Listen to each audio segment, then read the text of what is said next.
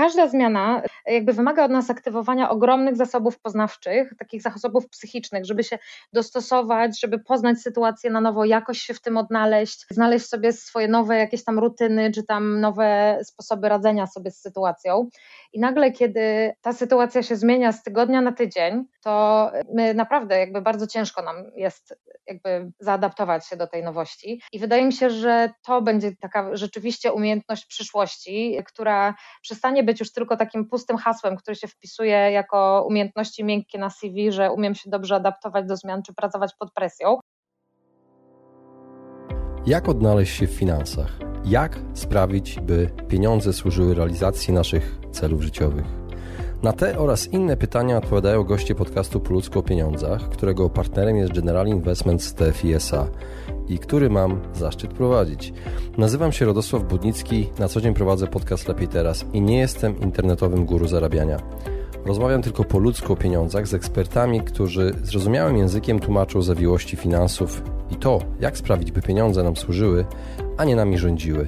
Serdecznie zapraszam.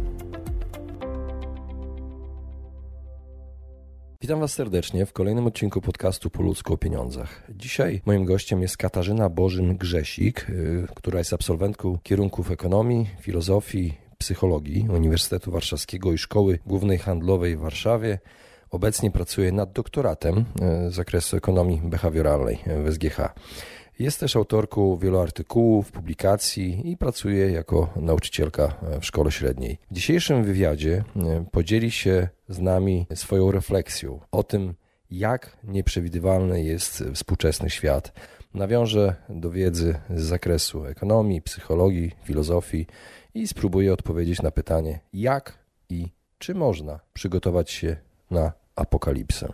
Serdecznie zapraszam do wysłuchania tego odcinka. Dzień dobry, witam Cię serdecznie w podcaście Po ludzku o pieniądzach. Bardzo dziękuję, że zgodziłaś się wystąpić. Dzień dobry, cała przyjemność po mojej stronie. Kasiu, widziałem Twoje wystąpienie, właściwie e, mhm. dowiedziałam się o Tobie e, od koleżanki, gościa też podcastu mojego.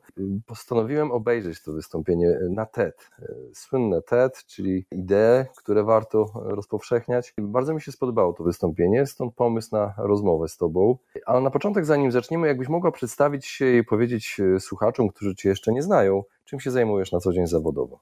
Oczywiście, z przyjemnością. Bardzo dziękuję za miłe słowa. Cieszę się, że, że moja, moje to krótkie wystąpienie jakoś e, tak zyskało tak, pozytywną, e, tak pozytywne recenzje.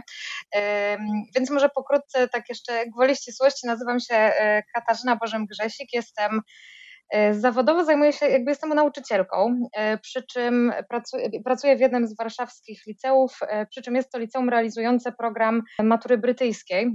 Stąd tłumaczę to też ze względu na to, że uczę bardzo nietypowych, jak na, powiedziałabym, polskie realia przedmiotów, ponieważ uczę psychologii i ekonomii. I to jakby oprócz tego zajmuję się też jakby taką, powiedzmy, strefą wychowawczą w naszej szkole, ponieważ na przykład jakby współprowadzę i współ E, tworzę, można powiedzieć, system tak zwanego mentoringu, mhm. czyli coś, co może nam się trochę kojarzy z takim tradycyjnym wychowawcą, ale nie do końca.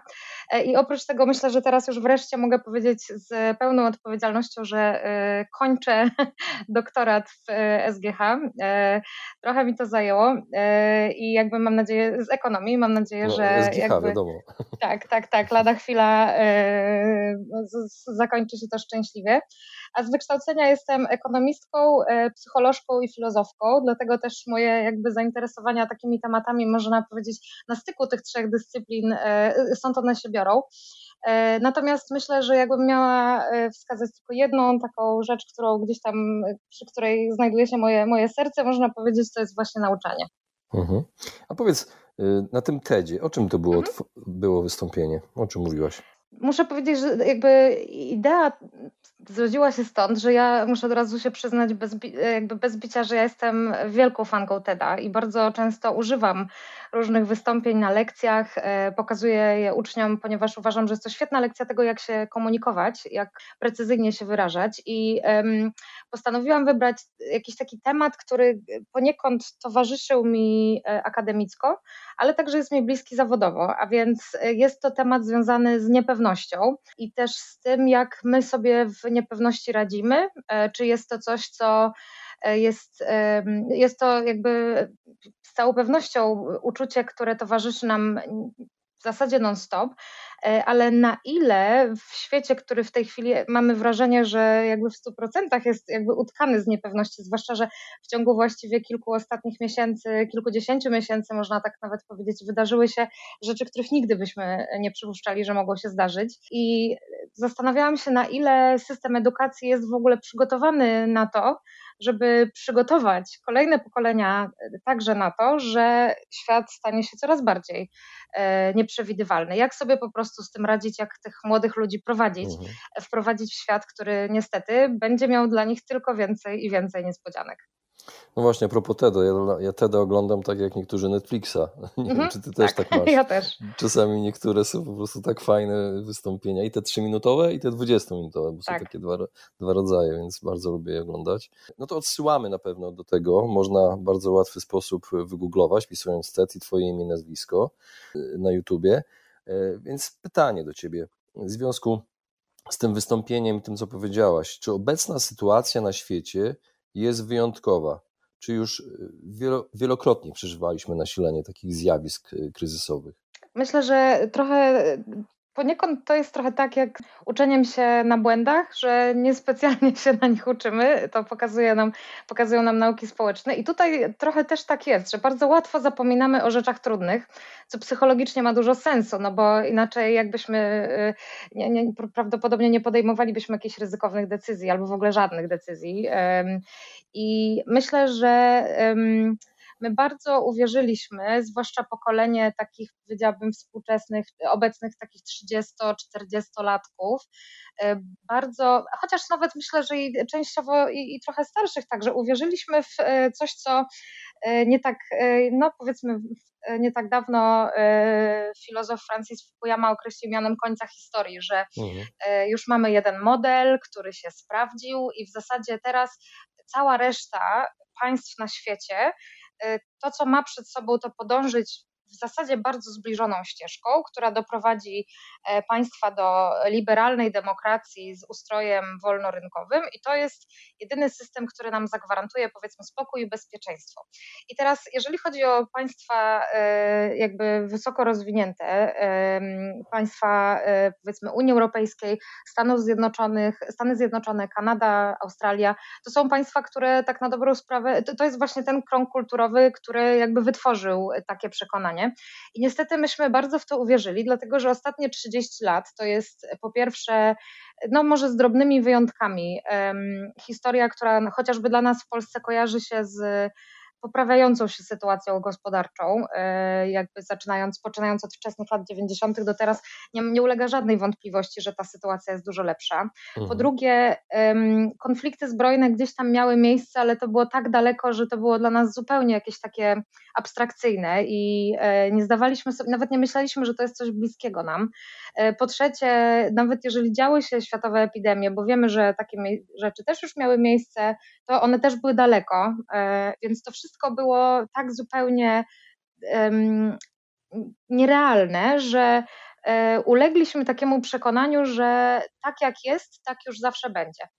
A jeśli um, a tak na dobrą sprawę, to historia ludzkości raczej jest utkana z kryzysów, a nie właściwie z takich okresów pokoju i spokoju, jak ostatnie trzy dekady.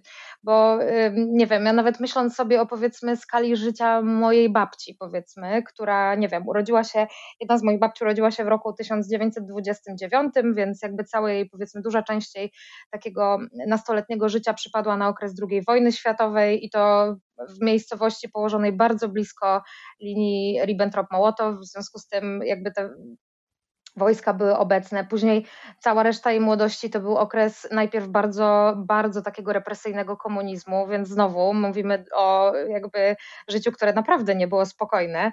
E, w mhm. międzyczasie zimna wojna i nieustanne, nieustanne zagrożenie jakby atakiem e, atomowym. I, jakby i takie przykłady można mnożyć, że w zasadzie to jakby ludzkość raczej jest zbudowana z takich właśnie krótkich okresów bardzo, bardzo względnego spokoju, a właściwie dominujące jest to nasilenie kryzysu. No proszę sobie wyobrazić, jeśli cofniemy powiedzmy nawet o 100 lat. Mamy wojnę, y, która się dopiero co skończyła, mamy epidemię hiszpanki, przed nami potężny kryzys ekonomiczny, no więc y, jakby w zasadzie takie nasilenie kryzysów to jest coś, co powiedziałabym raczej jest regułą niż wyjątkiem. Właściwie to ten spokój jest raczej wyjątkiem. Hmm. Przypomniałeś mi moje rozmowy z babcią jakieś, pamiętam, 20 lat temu. Do dziś pamiętam tę rozmowę, kiedy mówiła, że te straszne czasy, ludziom oglądała 997 taki program. Mhm. Wszędzie są morderstwa, w ogóle takie, nie powiem, babciu, z twoich czasów mordowano ludzi masowo. To od razu straciło argumenty wszystkie. Więc Absolutnie. Y, ja, ja podobnie czytałem niedawno książkę Nowe Oświecenie e, mhm. Pinkera, nie wiem, czy czytałaś, zrobiłem tak, o tym tak, tak podcast tak, i on powiedział właśnie, że tak naprawdę, kiedy to się wszystko policzy statystycznie, to jest lepiej. No, Absolutnie. A w Polsce my trochę ostatnie 30 lat z mojej perspektywy subiektywnej troszkę jak pączki w maśle żyliśmy, Absolutnie. jeśli chodzi o te wszystkie takie y, straszne rzeczy, które się dzieją na świecie, nas ominęły. No Absolutnie. dobra, mhm. przejdźmy dalej do tego wystąpienia, bo użyłaś sformułowania, to jest podcast po ludzko pieniądze. Chciałbym, żebyś mhm. słuchaczom przybliżyła parę sformułowań, takich mhm. jak na przykład na czym polega teoria perspektywy Kahnemana i Twerskiego? Mhm. E, jest to teoria, która myślę, że nie będzie to przesada, jeśli powiem, że naprawdę zmieniła myślenie o um, myślenie o myśleniu, może tak ponieważ e, co trzeba zaznaczyć, e, Twerski, e, właściwie Kahneman, ponieważ Twerski już niestety nie żył, za tą teorię odebrał w 2001 roku Nagrodę Nobla.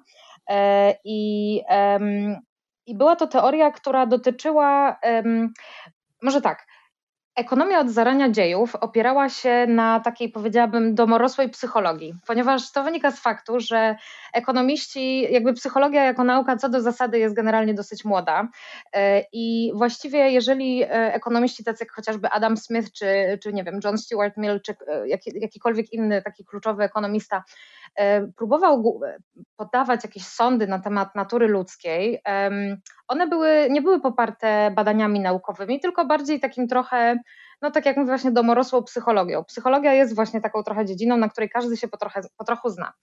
I e, jednym z bardzo ważnych e, założeń, która jakby gdzieś tam wynika z tej takiej w rozwoju ekonomii, które powstało i które bardzo długo wydawało się zupełnie niekontrowersyjne, było założenie o tym, że ludzie, że ludzi motywuje do działania e, zysk. I to znaczy, i później jakby precyzując jeszcze te pojęcia, e, tak jak się to definiuje w wielu modelach ekonomicznych, przedsiębiorstwa motywują zysk, natomiast maksymalizują zysk, natomiast e, jednostki maksymalizują tak zwaną użyteczność. Mhm. E, ta użyteczność jest no jakby de facto tym, czym zysk dla przedsiębiorstwa, czyli mam satysfakcję, mobilizuje mnie do pracy, do e, zarabiania pieniędzy to, że będę miała z nich jakiś rodzaj użyteczności, który może mi pozwolić na, nie wiem, kupienie sobie przyjemnych różnych tam powiedzmy przedmiotów, spędzenie czasu w jakiś tam miły sposób i tak dalej, i tak dalej. Co istotne, w ekonomia, która się tak, y, ta, zwłaszcza głównego nurtu, która się tak rozwinęła trochę w stronę takiej, powiedzmy, bardzo matematycznej, w stronę taką bardzo matematyczną, dorobiła się tak zwanych aksjomatów użyteczności, czyli na przykład, że e, użyteczność jest na przykład e, jakby są to aksjomaty dotyczące chociażby, nie wiem, przechodniości preferencji, mówiąc już tak bardzo technicznie. Czyli na przykład, jeżeli wolę jabłko od banana i wolę też, a z kolei wolę pomarańcze od jabłka, to będę wolała pomarańcze od banana, prawda? I to się dzieje, dzieje zawsze. Um, Teoria perspektywy wyrosła na takich badaniach już y, trochę też przedstawianych wcześniej, ale ona pokazuje, że nasze preferencje nie są po pierwsze dane raz na zawsze, po drugie, że nasze oceny naszej własnej sytuacji, naszej własnej użyteczności nie są absolutne i nie są jakby, można powiedzieć, zupełnie uniwersalne, tylko są zrelatywizowane do kontekstu. Innymi mhm. słowy, chodzi o to, że jeżeli, e, taka prosta rzecz, jeżeli mówimy o tym, że nie wiem, ktoś otrzymuje pod, propozycję podwyżki o 1000 zł, czy to dużo, czy mało? I teraz tak, jedne osoby będą mówiły, że to jest jakby dużo, bo to jest powiedzmy, nie wiem, osoby zarabiające płacę minimalną to jest powiedzmy około 1 trzeciej ich pensji, ale jeżeli mówimy o na przykład, e, nie wiem, dyrektorze banku, to to jest prawie pomijalne. I teraz ekonomia do czasów tak naprawdę teorii perspektywy nie znajdowała za bardzo języka, czy też jakby takiej siatki pojęciowej, żeby mówić o tym, że my na przykład inaczej reagujemy na pewne rzeczy. Druga rzecz jest taka, że istotny jest tak zwany punkt odniesienia, czyli e, to, czy coś będziemy uważać za zysk czy za stratę, zależy od tego, gdzie jesteśmy. I tutaj takim badaniem, e, które gdzieś tam to ilustrowało, było, e, był taki przykład, że mamy w mieście 600 osób i wiemy, że nastała epidemia, no i teraz mamy metodę leczenia, jedna metoda leczenia uratuje powiedzmy 400 osób, a druga metoda leczenia sprawi, że zginie 200. E, I tutaj widzimy, że znowu, że e, trochę zmieniając jakby język e, tej mhm. oferty, ludzie to postrzegali inaczej, mimo że de facto prowadzi do tych samych wniosków. Co więcej, w ramach tej teorii perspektywy um, wspomniana jest też tak zwana koncepcja awersji do strat, czyli jeżeli mamy y, stratę y, i zysk tej samej wielkości, czyli na przykład zgubiłam 100 zł i znalazłam 100 zł, to strata będzie mnie bolała mniej więcej dwa razy tyle, co ucieszy mnie zysk. E, czyli tak trochę podsumowując, teoria perspektywy sprawiła, że ekonomiści zaczęli sobie zdawać sprawę i też zaczęli myśleć o tym, że e, racjonalność definiowana w sposób e, matematyczny, w sposób taki bardzo precyzyjny, nie do końca odzwierciedla to, jak rzeczywiście ludzie działają, jak ludzie podejmują decyzje, bo niestety, ale jakby pomijając już takie truizmy, że nie jesteśmy racjonalni i tak dalej, i tak dalej, ale też e, ludzie po prostu niestety, ale mamy mnóstwo tak zwanych, y, ulegamy tak zwanym heurystykom czy zniekształceniom poznawczym. Coś, co nie ma nic wspólnego z tym, czy jesteśmy jakby bardzo inteligentni, czy, y, czy też jesteśmy nie wiadomo jak wykształceni, czy też mamy nawet, nie wiem, doktorat z psychologii, to niestety tym błędom będziemy y, ulegać. I no tak, jakby... bo mózg lubi mhm. skróty, drogę na dokładnie skróty. Tak, więc, tak, tak, dokładnie o to chodzi. Kahneman zresztą później popełnił jeszcze taką książkę, która też w Polsce była bez bestsellerem. To się nazywa Myślenie szybkie i wolne, gdzie pokazuje mhm. Kahneman jako psycholog e, właśnie e, trochę rozwija temat tego, tych skrótów myślowych i mówi o tym systemie pierwszym i systemie drugim. E, system pierwszy to taki automatyczny, czyli kiedy powiem bułka z, to dokończymy masłem, prawda? Jeśli zapytam, co jest stolicą Francji, każdy powie, że Paryż, prawda? A system drugi to jest ten taki, który i on działa, ten pierwszy działa cały czas, jakby on, mamy go, y, jakby jest on aktywny cały czas, natomiast system drugi jest takim systemem bardziej złożonym, który wymaga aktywacji. E, I niestety zdarza nam się, że źle interpretujemy kontekst, w jakim jesteśmy, i zamiast zaaplikować do niego ten właśnie system drugi, dalej można powiedzieć tak y, lecimy automatycznie, prawda? Czyli na przykład to jest, e, moi uczniowie bardzo e, się złoszczą, kiedy daję ten przykład, ile to jest 2 plus 2 razy 2. E, I jakby naj, bardzo często odpowiedzią, którą słyszę jest 8. Mhm.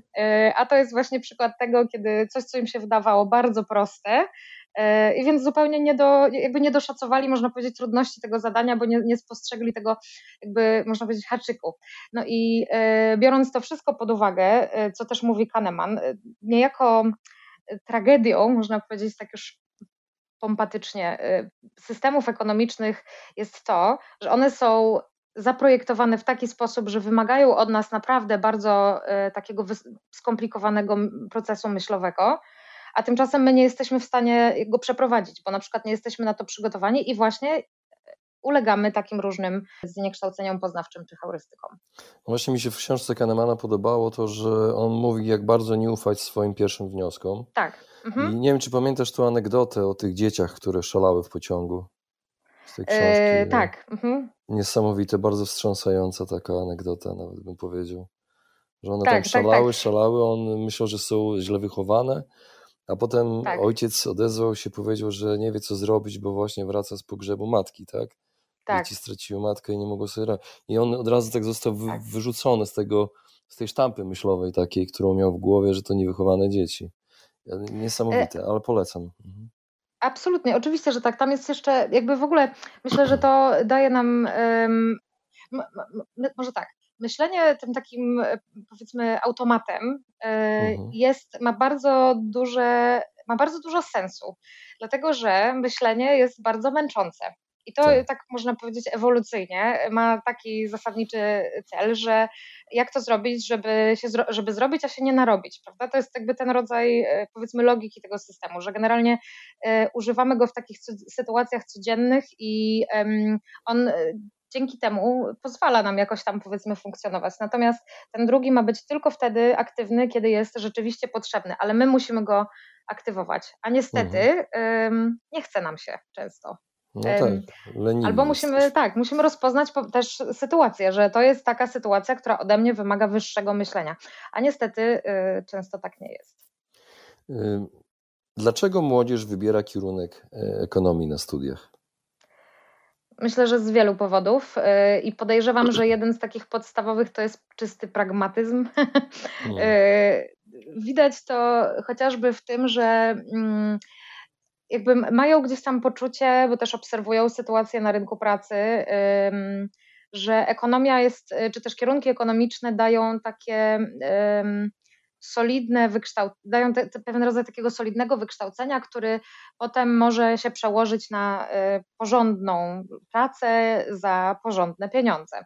Myślę, że to jest jeden z y, poważnych argumentów. Y, bardzo możliwe, że trochę tutaj też ekstrapoluję moje własne doświadczenie, bo dokładnie to był jeden z głównych motywatorów mojego takiego, mojej takiej decyzji i widzę, że to dalej jest, dalej jest widoczne, że, że gdzieś tam pewien rodzaj takiego przygotowania się na to, co będzie w przyszłości. I z takim poczuciem, że właśnie to wykształcenie ekonomiczne da mi pewien rodzaj e, stabilizacji życiowej pod kątem chociażby finansowym. Ale myślę, że jeszcze jednym e, argumentem jest też to, że jest to po prostu naprawdę bardzo ciekawy kierunek. To jest kierunek, który uczy nas e, myślenia takiego holistycznego, bo jeżeli ktoś rzeczywiście decyduje się na studia typowo ekonomiczne, to to się nie ogranicza tylko do studiowania modeli, czy też, nie wiem, analizowania sytuacji na rynku, nie wiem, paliw kopalnych, ale to też jest bardzo wnikliwe analizowanie społeczeństw, e, systemów ekonomicznych, e, dlaczego tak jest, że system ekonomiczny chociażby, nie wiem, polski różni się od systemu, który obserwujemy chociażby, nie wiem, w Indiach. Skandynawii albo w Skandynawii. Albo w Skandynawii, tak, zgadza się. Akurat ja, ja się zajmuję e, akademicko-Indiami, dlatego to jest taki mój, e, mój, e, mój, temat e, mi bliski. Ale, ale tak, no właśnie, więc jakby to, to nie jest wcale takie proste, że ktoś podjął decyzję, no i mamy to, co mamy bo to jest tak naprawdę kumulacja bardzo wielu różnych czynników, dlatego ekonomia daje pewien rodzaj takiego poglądu i takiego trochę lepszego, myślę też zrozumienia świata, w którym, w którym uczniowie, e, uczniowie są. Myślę, że z perspektywy już osoby, która już trochę lat gdzieś tam przepracowała już w zawodzie nauczyciela, mogę powiedzieć, że często te nadzieje są trochę płonne, bo, bo nagle się okazuje, że to nie jest takie proste, żeby po prostu wszystko pojąć, że nagle przeczytamy dwie książki, czy tam dwa podręczniki do makroekonomii i wszystko staje się cudownie jasne, bo niestety takie nie jest. I, e, I to często może powodować pewien rodzaj rozczarowania. Aczkolwiek rzeczywiście takie, takie marzenie, taka tęsknota za taką teorią prawie że uniwersalną jest bardzo widoczna wśród e, Co mnie ko korci, żeby Cię zapytać, czy ludzie, którzy studiują ekonomię są ogarnięci finansowo, w sensie jeśli chodzi o finanse osobiste, oszczędzanie, odkładanie, inwestowanie i tak dalej, myślenie o emeryturze. Taki nie. Myślę, że taki nie. Muszę powiedzieć, że ze Czas bez butów chodzi. Tak? Trochę tak. E, ja tu tam jestem, myślę, świetnym przykładem, bo moje jakby tutaj metody inwestowania są bardzo, bardzo, bardzo asekuracyjne i jakby nawet jeżeli można o takich mówić, bo naprawdę jakby zupełnie jest, nie jest to temat, który mnie jakoś tam za bardzo zajmuje, ale mam też znajomych, którzy jak najbardziej e, zajmują się e, jakby inwestowaniem na giełdzie, czy też próbują swoich sił powiedzmy na rynku kryptowalut, e, więc naprawdę myślę, że są tacy i tacy. Ale, ale mhm. jakby zgadza się trochę, to tak jest, mam wrażenie miejscami, że ja akurat zdecydowanie jestem przykładem szewca, który bez butów chodzi. Tak. E, trochę porozmawiamy o tych czasach, kiedy zaczęłaś studia ekonomiczne. Jakie rzeczy ważne wydarzyły się na świecie wtedy, jak zaczęłaś? Co cię zaskoczyło? E, o, to był bardzo ciekawy czas w ogóle, dlatego że to był 2008 rok. E, I to był czas, kiedy tak, to był czas, kiedy na świecie w zasadzie wy, nagle wszyscy się zorientowali, że mamy kryzys. I ja bardzo, bardzo dokładnie pamiętam jeden z moich takich pierwszych dni na uczelni w budynku G przy Alei Niepodległości. Tam przy wejściu znajdują się takie ekrany, gdzie no to są notowania spółek giełdowych.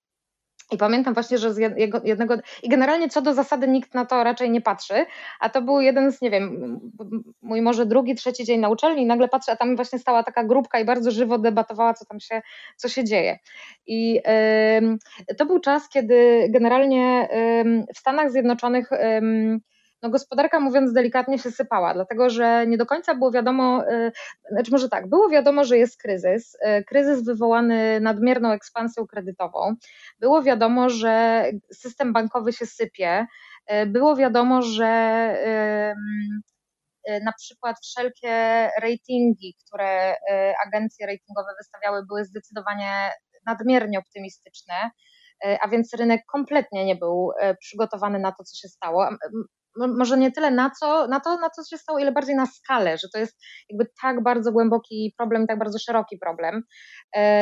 W międzyczasie jeszcze był bardzo intensywnie debatowany temat e, planu ratunkowego, tego planu e, Polsona tak zwanego, czyli czy e, rząd wkroczy i coś zrobi, czyli czy będzie ratował system bankowy, który de facto no, nie Te popisał się. tak zwane, tak? Tak, dokładnie tak. mhm. tak. Jakby co, co z tym zrobią, jak to będzie, czy będą jakieś mhm. nacjonalizacje, jakby po prostu był jeden wielki, jedno wielkie zamieszanie. I tutaj mhm. myślę sobie, że to było, na, więc to był jeden temat, który nas bardzo, e, bardzo zajmował. Drugi temat, który też był bardzo żywo debatowany w tamtym czasie, to była kwestia przyjęcia przez Polskę euro. I myślę, że my teraz już o tym tak nie myślimy, dlatego że e, to jest, e, jakby to się wydaje perspektywą, jakby w ogóle ten temat jakoś tak znikł z debaty publicznej, mhm.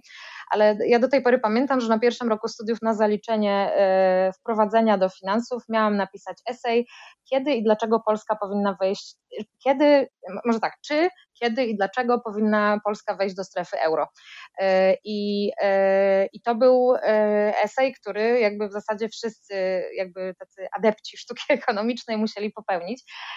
I to był też temat bardzo żywo dyskutowany, a proszę, kilkanaście lat później już w ogóle nawet nie myślimy, że to była kiedykolwiek jakaś taka tak poważnie rozważana opcja.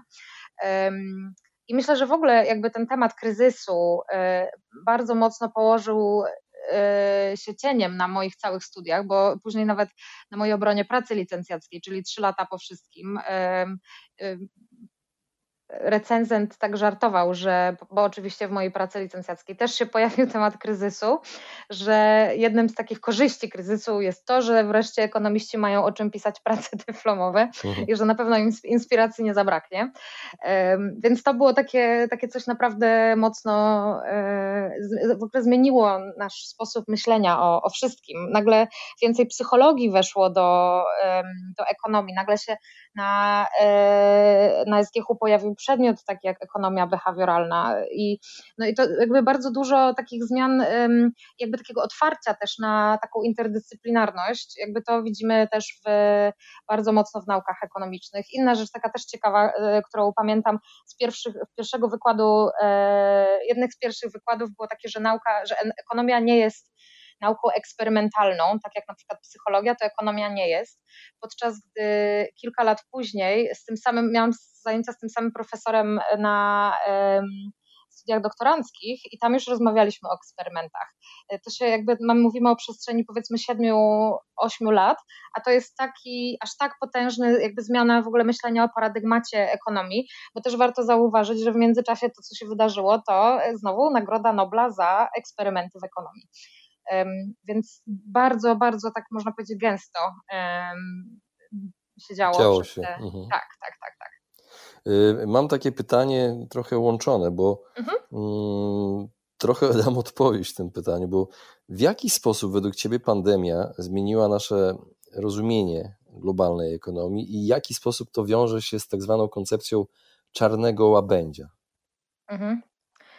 Myślę, że co jakby, to w ogóle jest ta koncepcja? Myślę, że to, mhm. mhm. Tak, tak, to może zacznę od tego, co to jest. Mhm. Czarny łabędź to jest, taki, to jest takie zjawisko y, w ogóle stworzone przez e, profesora Nassima Taleba, który napisał w ogóle całkiem sporo książek jakby w, e, w, w takim jakby na orbicie tej, swojej e, teorii czarnego łabędzia, bo na przykład jeszcze jest taka książka jak Antykruchość, gdzie on analizuje mhm. z kolei jak właśnie możemy się przygotować na te czarne łabędzie różne. Idea jest taka, że czarny łabędź jest to zjawisko bardzo rzadkie, na które nie jesteśmy w stanie się przygotować i które jest zupełnie nieoczekiwane, a które, które przynosi potężne konsekwencje, a z perspektywy czasu mamy tendencję do tego, żeby myśleć, że przecież to było zupełnie przewidywalne, że to było, można to było przewidzieć.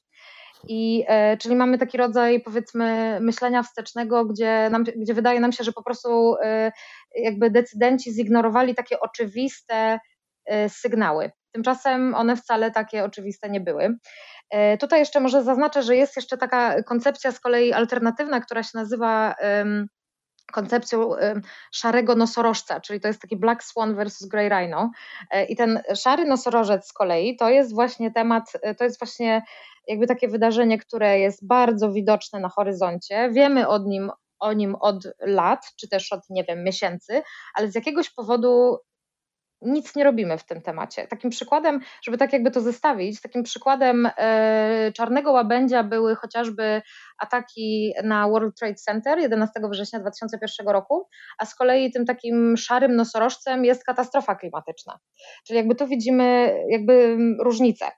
I teraz jeśli chodzi o pandemię, to to jest właściwie temat bardzo dyskutowany, bardzo y, tak żywo, czy to jest właściwie czarny łabędź, czy ten taki szary nosorożec.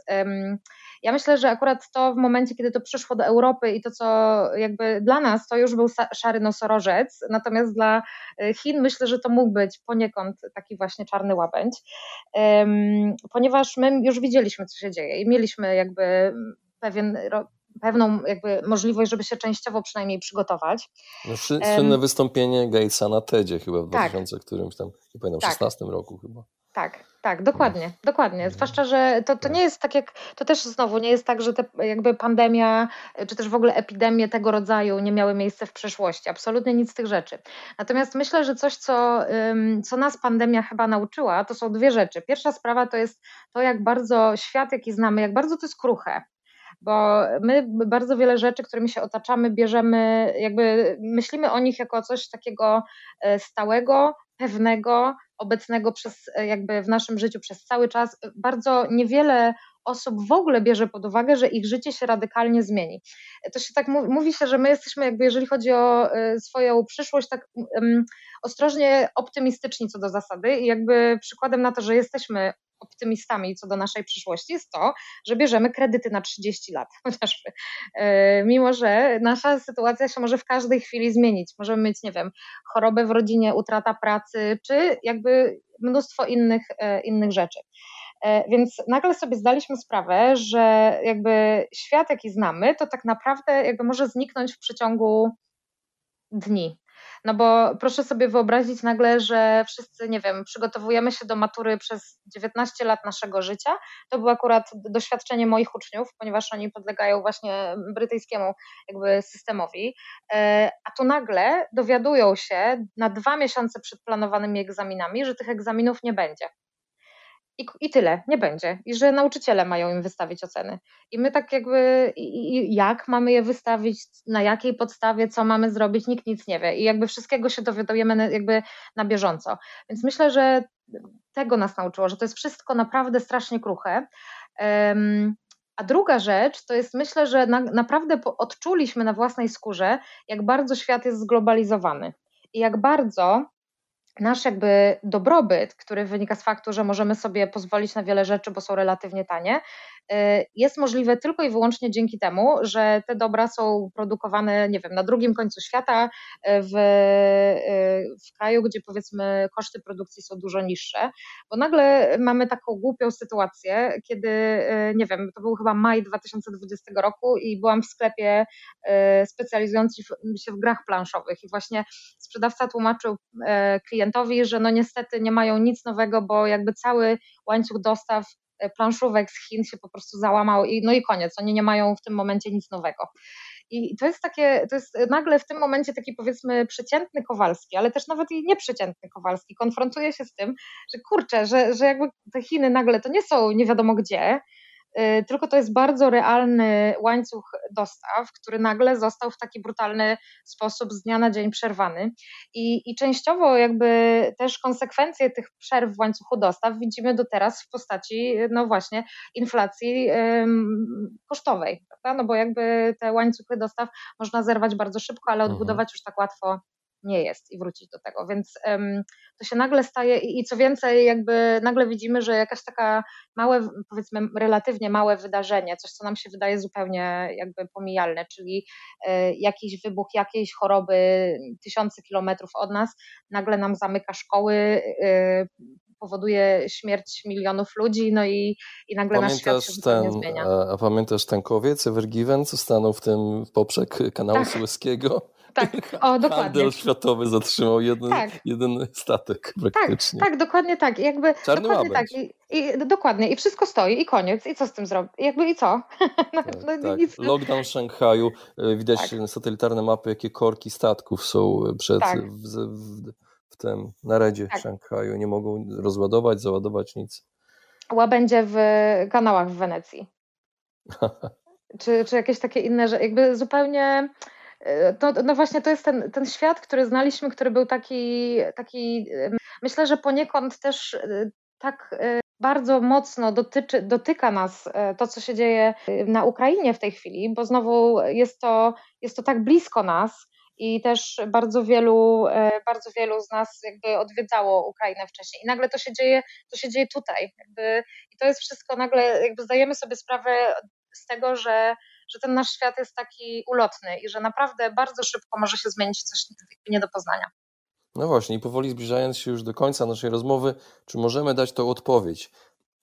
Jaka zmiana sposobu myślenia, na jaki sposób myślenia może nam pomóc? Yy, czy możesz yy, ujawnić, że tak powiem, konkluzję? Yy, myślę, że myślę, że tutaj to, to jest trudne pytanie, ale ważne pytanie, dlatego że w moim odczuciu chyba najważniejsze jest to, żeby się pogodzić z tym, że musimy być elastyczni. I z tego faktu, że ludzie nie są w stanie się z tym pogodzić, wynika też to, że mamy tak ogromny kryzys zdrowia psychicznego że po prostu ludzie nie są w stanie, bo, bo jakby każda zmiana jakby wymaga od nas aktywowania ogromnych zasobów poznawczych, takich zasobów psychicznych, żeby się dostosować, żeby poznać sytuację na nowo, jakoś się w tym odnaleźć, znaleźć sobie swoje nowe jakieś tam rutyny, czy tam nowe sposoby radzenia sobie z sytuacją. I nagle, kiedy ta sytuacja się zmienia z tygodnia na tydzień, to my naprawdę jakby bardzo ciężko nam jest jakby zaadaptować się do tej nowości. I wydaje mi się, że to będzie taka rzeczywiście umiejętność przyszłości, która przestanie być już tylko takim pustym hasłem, który się wpisuje jako umiejętności miękkie na CV, że umiem się dobrze adaptować do zmian czy pracować pod presją, e, a tymczasem zwykle to jest tak naprawdę puste słowa, no bo e, cóż, myśmy, tak naprawdę do 2019 roku ja mam wrażenie, że te wszystkie zmiany, do których się musieliśmy adaptować, to jest w ogóle jakiś e, jakby nic, nic jakby takiego, nic dużego tak naprawdę. No, jakby cóż to były za zmiany, a tu mówimy o zmianach na poziomie globalnym, które się dzieją nagle. I więc pierwsza sprawa to jest pogodzenie się z tym, że takie zmiany będą mieć miejsce i że takie, że musimy być elastyczni. E, druga sprawa to to, że musimy dać sobie spokój raz na zawsze z pewnego rodzaju perfekcjonizmem, bo e, często ten nasz dyskomfort wynikający ze zmian, które się dzieją wokół nas, wynika z faktu, że rzeczy nie, dzieją się w taki sposób, jakbyśmy chcieli. I jedna sprawa to jest kwestia tego, że na przykład, nie wiem, wyobraziłam sobie moje idealne życie, które i jakby pracowałam bardzo ciężko na to, by to życie tak wyglądało, i nagle powiedzmy e, sytuacja, nie wiem, powiedzmy, zapożyczyłam się, otworzyłam swój biznes, i nagle dwa, dwa tygodnie później mamy lockdown. No i jakby, i to są rzeczywiście ludzkie tragedie, które, z którymi się sobie ciężko poradzić ale niestety musimy być gotowi na to, że takich sytuacji może być więcej w przyszłości, niestety. No i druga sprawa to jest, myślę, kwestia trochę też e, takiego nauczenia się myślenia o tej sytuacji trudnej, tej sytuacji kryzysowej e, pod kątem poszukiwania pewnego rodzaju rozwiązań, czyli skąd mogę czerpać dodatkowe zasoby, kogo mogę poprosić o pomoc, w jaki sposób e, mogę spróbować tę sytuację gdzieś tam e, rozwiązać, czy ona w ogóle jest na ten moment do rozwiązania, czy może po prostu muszę się pogodzić z tym, że przez jakiś czas będzie mi dużo trudniej.